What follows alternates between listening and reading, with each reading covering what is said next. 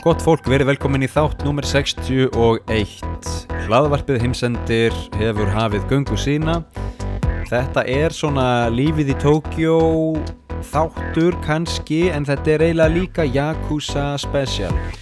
Mér langar að fjalla um uppbruna og sögu glæpasamtakana Yakuza japanska mafían. Mér langar að skoða hvaðan þetta kemur og leiða, svona, leiða okkur inn í það hvað Yakuza er í dag og hvernig Yakuza hefur áhrif á japansk samfélag og heiminn allan í dag. Um, til að byrja með, sko, um, bara aðeins til að stað, staðsetja okkur, ég hérna, vil alltaf byrja þættina þannig, ég er núna er við í november, hérna í, í Japan.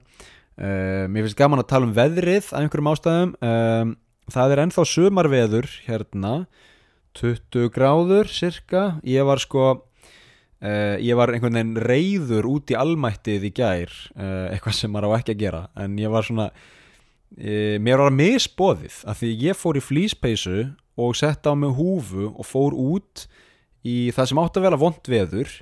Svo var bara alls ekkert vond veður. Það var bara frábært veður og mér var allt og heitt sveittur og ómögulegur einhvern veginn og hárið alveg klest niður út af húfinni þetta er algjörlega ólíkt, algjörlega öfugt því sem maður upplifir á Íslandi.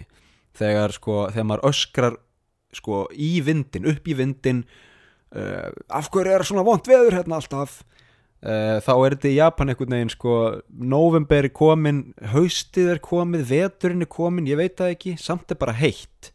Og ég get ekki einu svona notað útivistarfötin mín af því að það er bara oflýtt og ég get ekki nota húfuna mína af því að það bara meikar engan sens af því að það er 20 gráður hérna.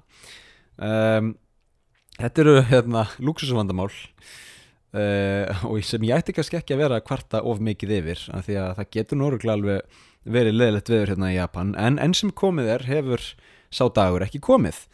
Uh, Ég sendi náttúrulega bara hugheilar kveðjur til Ís Íslands uh, þessa dagana þegar alls konar uh, læðir og hæðir og, og rigning og ekki rigning og svo, svo fer hann alltaf fljóðlega að bera á uh, alls konar marglituðum veður viðvörunum eins og við kynntumst á síðast ári. Uh, veðrið á Íslandi er nú heldur erfiðara heldur en hér í Japan. En nóg um það. Um, sko já, sagt, það er november ég hérna allt gengur sem vana gang hérna. Tito er út í gardi á beit eins og vanalega. Um, þvotturinn okkar hangir, hangir út á snúru og, og sólinn skín. Og ég er hérna inni uh, ennþá á lífi. Það er ekki byrjuð kernarkustyrjöld og lífið er bara nokkuð gott. Herði, þá erum við búin að staðsita okkur. Þá erum við búin að svona kjarn okkur aðeins hérna. Nú getum við farið inn í aðal málefni uh, dagsins sem er saga og upprunni Yakuza.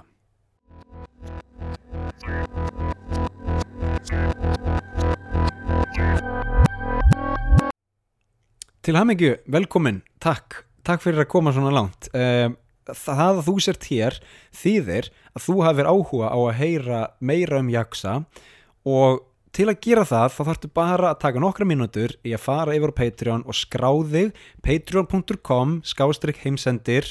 Skráðið það kostar nánast ekki neitt. 5 dólarar á mánuði það er ódýrasta áskriftin og þá færðu fullan aðgang að öllum þáttum. Takk fyrir að hlusta og við sjáumst á Patreon